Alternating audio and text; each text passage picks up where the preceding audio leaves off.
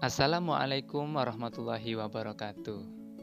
Sahabat, Tolha bin Ubaidillah tentu bagi kita tidak asing karena kisahnya begitu masyhur dan banyak yang bisa menjadi pelajaran untuk kita semuanya. Selama masa perjuangan, Tolhah menjadi salah satu sahabat utama Rasulullah Shallallahu Alaihi Wasallam. Tolhah mempunyai banyak kelebihan dan julukan yang diberikan Rasulullah.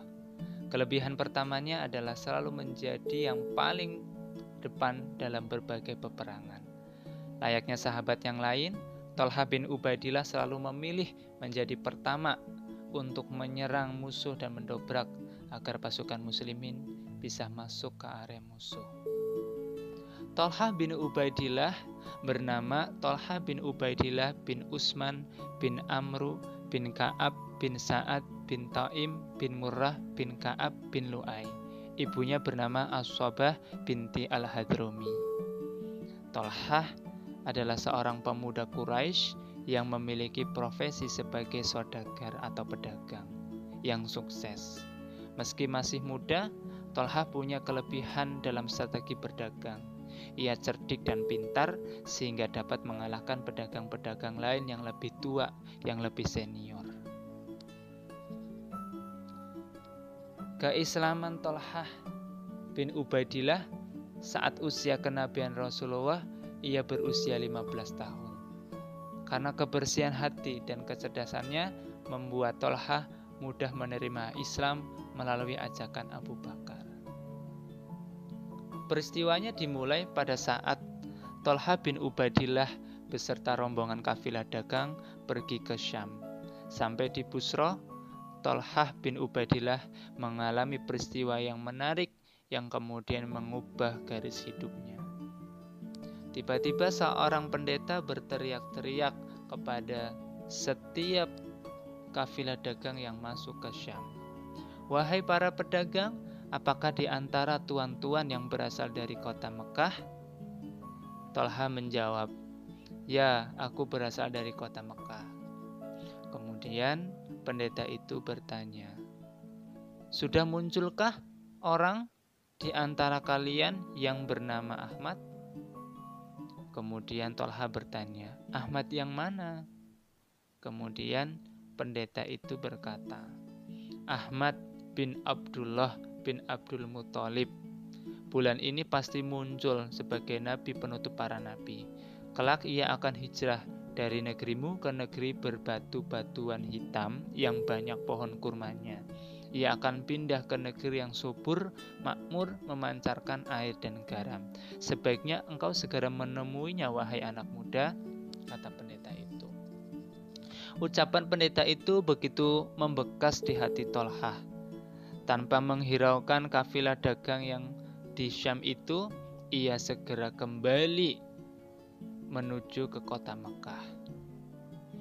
Sampai tibanya di Mekah, ia langsung bertanya kepada keluarganya, "Ada peristiwa apa sepeninggalanku?" Kemudian keluarganya menjawab, "Ada Muhammad bin Abdullah mengatakan dirinya nabi yang diutus Allah dan Abu Bakar telah mempercayai dan mengikuti apa yang dikatakannya." Setelah itu Tolha bin Ubaidillah langsung menemui Abu Bakar dan bertanya, Benarkah Muhammad bin Abdullah telah menjadi nabi dan engkau mengikutinya? Abu Bakar, benar. Kemudian Abu Bakar menceritakan kisah Muhammad sejak peristiwa di Gua Hiro sampai turunnya ayat pertama. Abu Bakar mengajak Tolhah untuk masuk Islam. Usai Abu Bakar bercerita, Tolhah berganti cerita tentang pertemuannya dengan pendeta di Busro. Abu Bakar tercengang, lalu Abu Bakar mengajak Tolhah bin Ubaidillah untuk menemui Nabi Muhammad dan menceritakan peristiwa yang dialaminya itu dengan pendeta di Busro di hadapan Rasulullah. Karena kebersihan hati dan kecerdasannya, membuat ia mudah untuk menerima Islam setelah Rasulullah menjelaskan tentang Islam. Dan dengan ringan, Tolhah langsung mengucapkan dua kalimat syahadat. Masuknya Tolhah ke dalam Islam bagi keluarganya bagaikan petir di siang bolong. Keluarganya dan orang-orangnya dalam satu sukunya berusaha sangat keras mengeluarkannya dari Islam. Berawal dari bujuk rayu hingga kemudian dengan kekerasan. Karena Tolha sangat memegang prinsip dan sangat kokoh dan sangat teguh. Siksaan demi siksaan mulai mendera Tolha. Ya, hingga mendapatkan caci maki ibunya serta pukulan-pukulan di kepalanya oleh orang-orang. Suatu ketika pernah seorang laki-laki Quraisy yang bernama Naufal bin Khuwailid kemudian menyeret Abu Bakar dan Tolhah dan dengan diikat keduanya menjadi satu dan mendorong ke al sampai darah mengalir dari tubuh sahabat Tolhah dan Abu Bakar hingga peristiwa itu mengakibatkan Abu Bakar dan Tolha digelari Al-Qarinain atau sepasang sahabat yang mulia. Tak hanya sampai di situ saja, cobaan dan ujian terus mendera Tolha. Ya. Tapi ujian dan cobaan itu tidak membuatnya surut melainkan makin besar bakti dan perjuangannya dalam menegakkan Islam, hingga banyak gelar atau sebutan yang didapatkannya. Di antaranya adalah mendapatkan gelar Asyahidul Al-Hay atau Sahid yang masih hidup. Ketika itu, ya, Rasulullah berkata, "Siapa yang ingin melihat Orang yang berjalan di muka bumi sesudah mengalami kematiannya, lihatlah Tolha. Itu adalah ucapan Rasulullah Shallallahu Alaihi Wasallam saat perang Uhud terjadi. Saat perang berkecamuk, terjadi kekacauan formasi pemanah barisan muslimin yang akhirnya menyebabkan kewalahan menghadapi pasukan musuh dan Rasul pun menjadi target untuk dibunuh. Di sinilah Tolha menunjukkan keteguhannya untuk melindungi Nabi kecintaannya.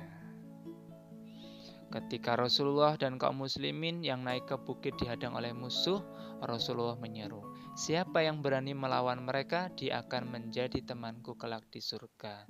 Tolhah menjawab, saya wahai Rasulullah. Rasulullah berkata, tidak, jangan engkau, engkau harus tetap di tempatmu. Kemudian prajurit Ansor berkata, saya wahai Rasulullah. Ya, majulah, kata Rasulullah. Prajurit Ansor itu maju melawan prajurit kafir yang ingin membunuh Rasulullah hingga menemui kesyahidan, kesyahidannya. Rasulullah meneruskan perjalanan yang kemudian dihadang kembali oleh tentara kaum musyrikin. Rasulullah menyeru lagi, siapa yang berani melawan mereka ini? Tolha langsung menjawab, saya wahai Rasulullah. Rasulullah berkata, jangan, engkau harus tetap di tempatmu.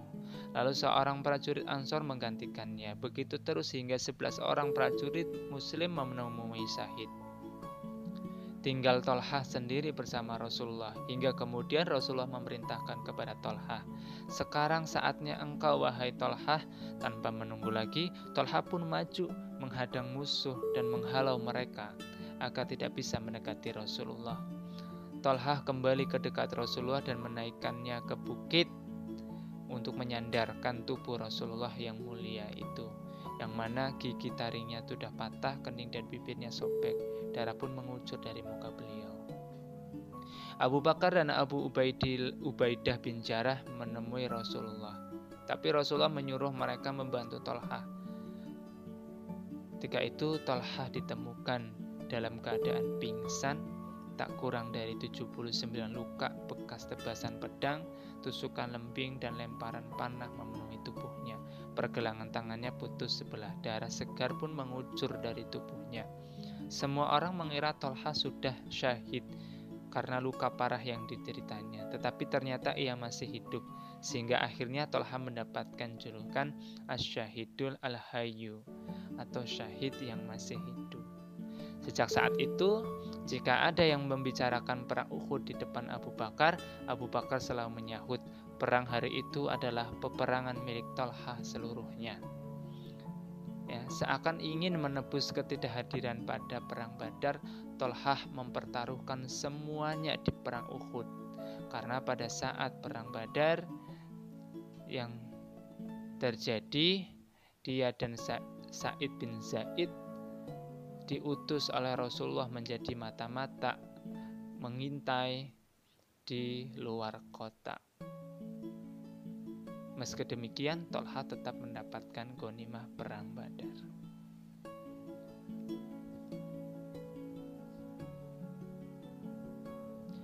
Selain itu, Tolha dikenal sebagai sebagai mujahid yang hartawan, yang pemurah.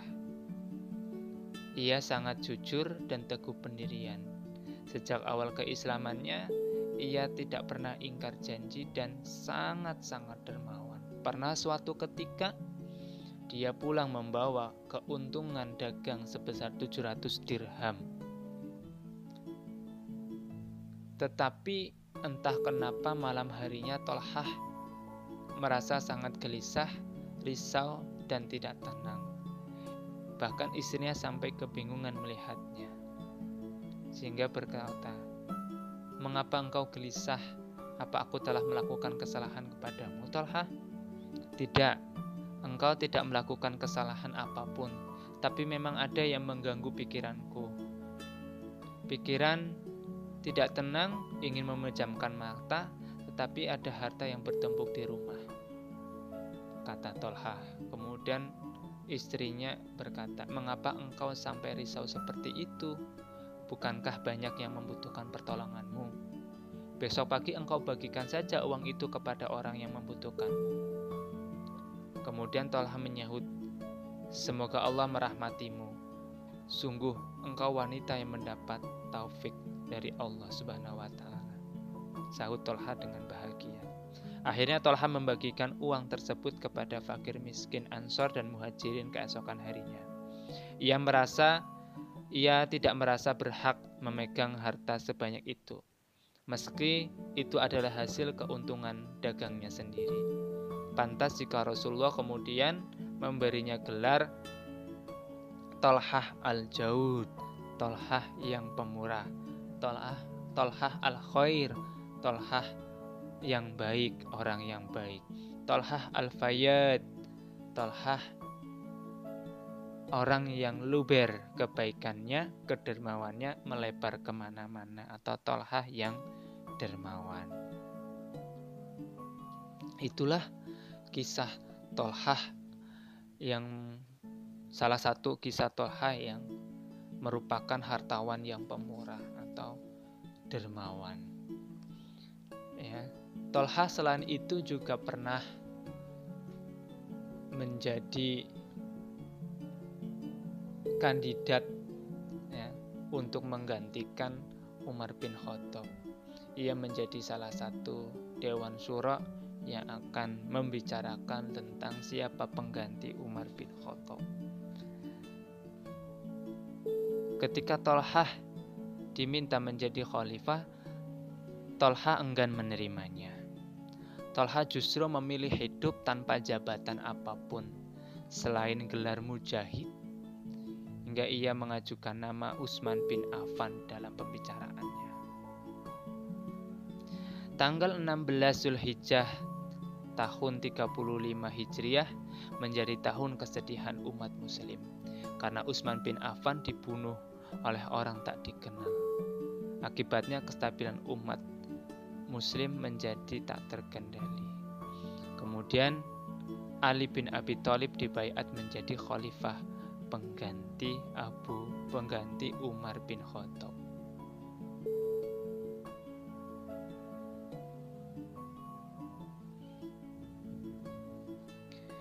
Talha bin Ubaidillah wafat pada usia 60 tahun dalam peristiwa Perang Jamal karena luka yang cukup dalam di kakinya. Sesungguhnya Tolha bin Ubaidillah berharap bisa gugur ketika berjuang bersama Rasulullah SAW saat menghadapi musuh Islam. Namun ketentuan ilahi menghendaki Tolhah wafat di tangan orang Islam sendiri pada saat perang Jamal. Atas semua kisah hidupnya yang tidak biasa, Tolhah menjadi salah satu orang yang dijamin masuk surga bersama sembilan sahabat yang lainnya. Tolhah bin Ubaidillah telah gugur sebagai syuhada. Tolhah bin Ubaidillah telah berjalan menuju kehidupan abadi. Dan Rasulullah Shallallahu Alaihi Wasallam menyebut Tolhah sebagai tetangganya di surga. Itulah kisah-kisah Talha bin Ubaidillah. Masih banyak kisah yang lainnya tentang Talha bin Ubaidillah. Tapi kisah ini adalah kisah yang sangat heroik, kisah yang sangat masyhur dan terkenal. Semoga kita bisa mengambil pelajaran dari kisah pemuda yang sukses, pemuda yang cerdas, yang mempunyai kebersihan hati, pemuda yang dermawan, pemuda yang jujur, pemuda yang tidak pernah ingkar janji. Semoga kita bisa mengambil pelajaran hikmah mengikuti kisah dari Talha dalam kehidupan sehari-hari kita terapkan. Itu saja sharing kisah tentang Talha bin Ubaidillah. Semoga menjadi semangat bagi kita untuk terus berjuang demi Islam dan menjadi pemuda yang sukses membela agama Islam, sukses di dunia dan di akhirat. Assalamualaikum warahmatullahi wabarakatuh.